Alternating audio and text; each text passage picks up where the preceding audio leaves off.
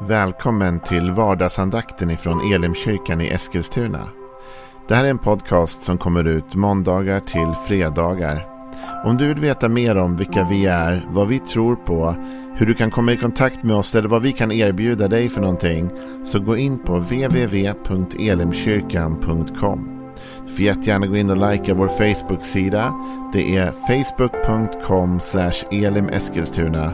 Eller så söker du upp oss på YouTube och då söker du på Elimkyrkan Eskilstuna.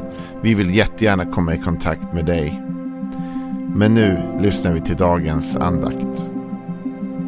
Välkommen till vardagsandakten. Vi är ju inne i lite samtal om favör. Alltså när Gud ger oss en fördel av något slag. Vi har pratat mycket om att favör och nåd är tätt sammankopplade ord. Att när Gud ger oss en favör så är det ju lik nåden, det är oförtjänt. Gud ger oss en fördel av något slag. Något vi egentligen inte borde ha eller borde få, men en dörr som öppnar sig eller en väg som liksom bryter fram på något sätt. Ofta sker detta genom att andra människor väljer att visa oss välvilja, väljer att liksom ge oss en förtur. Va? Eh, likt någon som släpps före i kön. Liksom någon ser att det står någon där och har du bara en grej, men du kan gå före mig. Liksom. Och så helt plötsligt så får man lite favör, va? vardagsfavör. Men Bibeln talar faktiskt mycket om detta. Och det jag inser de här veckorna när vi har talat om favör. Det är hur mycket i vårt liv som ändå är beroende av andra människor. Och beroende av att andra människor öppnar dörrar och vägar för oss inspirerade av Gud, ledda av Gud, så ger de oss liksom en väg, en möjlighet, en favör. Och eh, jag tänkte vi skulle idag titta på något som jag tycker är lite speciellt, som handlar om generationellt också, hur favör kan förflytta sig och verka.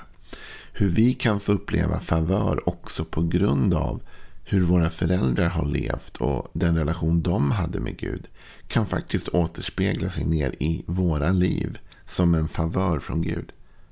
Jag tänkte jag skulle ta med dig till två sådana berättelser. David i Bibeln var ju en man efter Guds hjärta, står det. Han var ju kung i Israel och du kanske känner till hela berättelsen om hur Gud hittar honom som en liten eh, fåraherde och sen gör honom slutligen till kung och han får vara med och besegra Goliat. Allt det här du vet kan berättelsen om David. David får bland annat en son som heter Salomo. Och Salomo är ju den som kommer att ta över efter David som kung i Israel. Salomo däremot, han fattar en del dåliga beslut. En del goda beslut också, men en del eh, kan man tycka dåliga beslut. Eh, och ett av de besluten är ju att han börjar, han tar sig en massa, massa hustrur. Och en del av de här hustrurna har med sig sina eh, och, gudar och ritualer in. Och han liksom faller in i det här lite grann på ett konstigt sätt. Och Gud blir upprörd över det. Och Gud går till Salomo. Jag tänkte vi skulle läsa vad Gud säger till Salomo. I första kungaboken kapitel 11 och vers 9. Men Herren vredgades på Salomo för att han hade vänt sig bort från Herren Israels Gud. Som två gånger hade visat sig för honom och varnat honom just för att dyrka andra gudar. Ändå hade han inte rättat sig efter vad Herren hade befallt. Och Herren sa till Salomo, eftersom du var medveten om detta, men inte höll förbundet med mig och de befallningar jag har gett dig, ska jag rycka ifrån dig kungariket och ge det åt en av dina underlydande. Men för din far Davids skull vill jag dock inte göra detta under din livstid. Istället ska jag rycka kungariket från din son. Men inte hela riket. En stam ska jag lämna åt honom för min tjänare Davids skull och för Jerusalems skull, den stad jag har utvalt.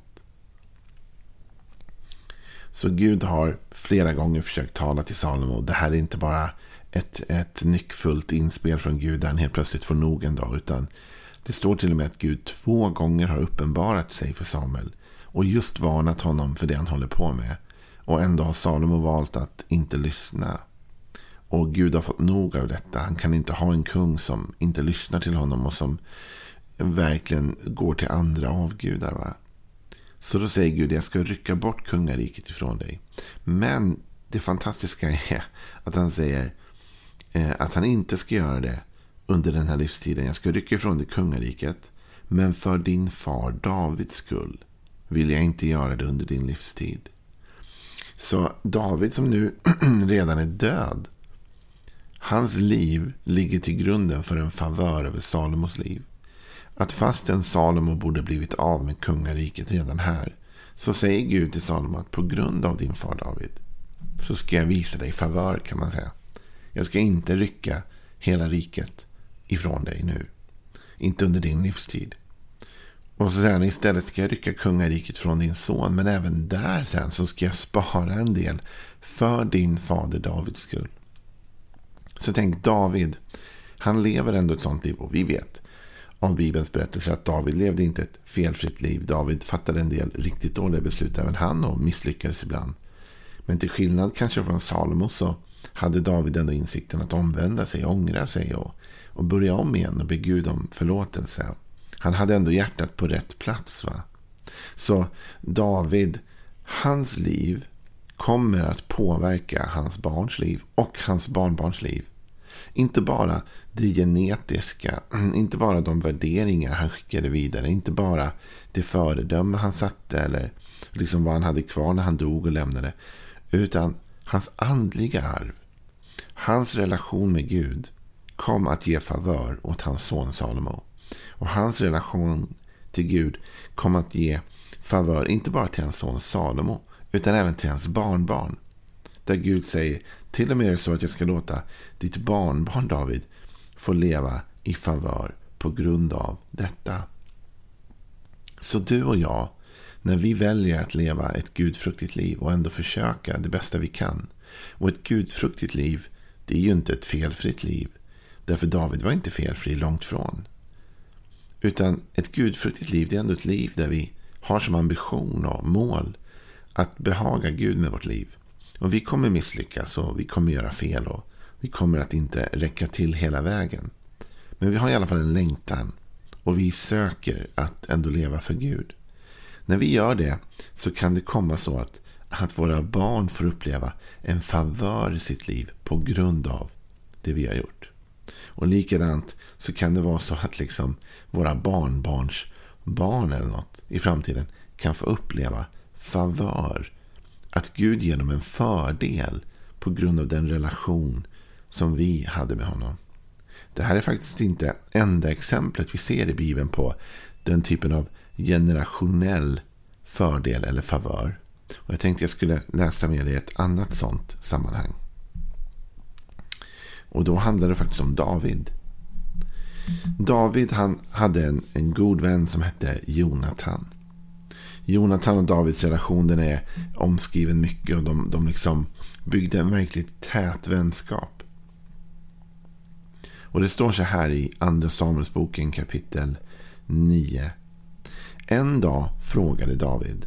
Finns det någon kvar av Sauls familj som jag skulle kunna visa barmhärtighet för Jonathans skull? Hos Saul hade funnits en troman som hette Siva och han blev kallad till David. Är du Siva? frågade kungen. Ja, herre, svarade Siva. David sa. Finns det ingen enda kvar av Sauls familj så att jag kan vara barmhärtig mot honom liksom Gud är barmhärtig? Siva svarade. En son till Jonathan lever fortfarande. Han som är vanför. David frågade var han fanns. Då berättade Siva att han bodde i Lodevar hos Makir, Amiels son.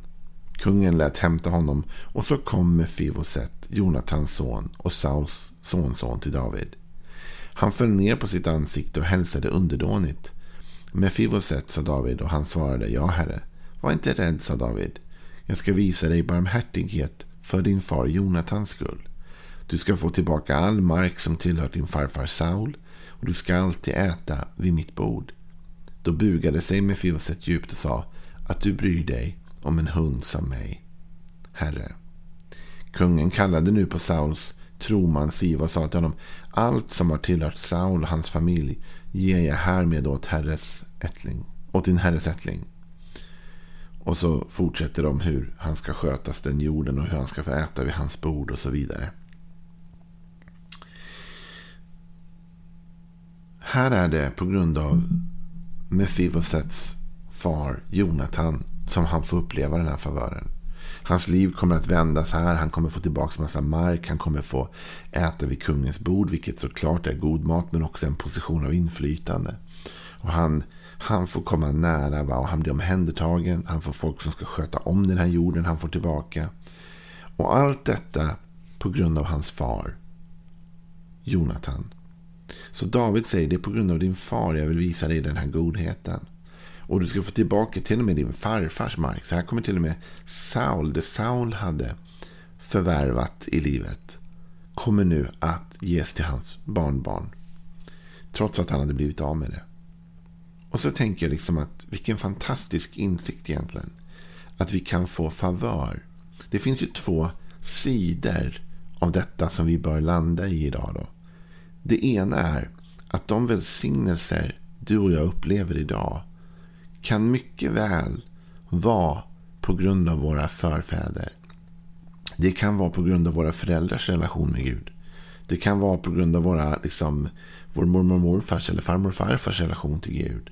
Det kan faktiskt vara så att de som har gått före oss byggde upp en Guds relation som kom att ge favör åt deras barn och barnbarn. Att de öppnar dörrar vi går in i idag. Att de öppnar vägar vi får köra på liksom, så att säga, idag är resultatet av Guds eh, relation till våra föräldrar. Till våra föräldrar. Liksom. Det är det här som har gett oss en favör idag. Och det borde göra oss lite ödmjuka att vi förstår att en del av de fördelar vi går in i är generationella välsignelser. Inte bara vad vi själva åstadkommit. Vi vill ju lätt ta på oss all ära, eller hur? Tänk att det är vi som är så duktiga. Tänk att det är vi som har eh, vunnit denna rikedom eller gjort denna storhet eller vad det nu kan vara. Men faktum är att om det inte vore för de här öppna dörrarna, om det inte vore för fördelen, favören, skulle vi inte vara där vi är. Om det inte vore för och den här fördelen och den här favören, vad kan vara resultatet av generationers gemenskap med Gud? Det är det ena perspektivet, att vi inser det och förstår det. Det andra perspektivet är att om vi inser det och om vi förstår det så inser vi per definition också att din och min relation med Gud idag kan komma att ge favör åt våra barn och våra barnbarn. Alltså vi har möjlighet idag att skapa ett, en nära gemenskap med Gud som kommer att kunna smitta av sig generationellt och bli till välsignelse i långa led. Så det här var några tankar jag ville få dela med dig idag. Underskatta inte den generationella fördelen, favören, välsignelsen som kan komma. Men varje generation måste såklart ta på sig sitt ansvar att söka Gud Därför David sökte Gud och det välsignade Salomo. och Det välsignade Salomos barn. Men Salomo vände sig bort från Gud stundtals. Och det kom också att negativt påverka hans barn och barnbarn. Så du och jag har ett val att göra. Låt oss välja att bygga en god relation med Gud. Och låt oss tacka honom för den favör vi lever i idag. Att det kan vara resultatet av våra föräldrars liv och våra förföräldrars liv. Ha en välsignad dag.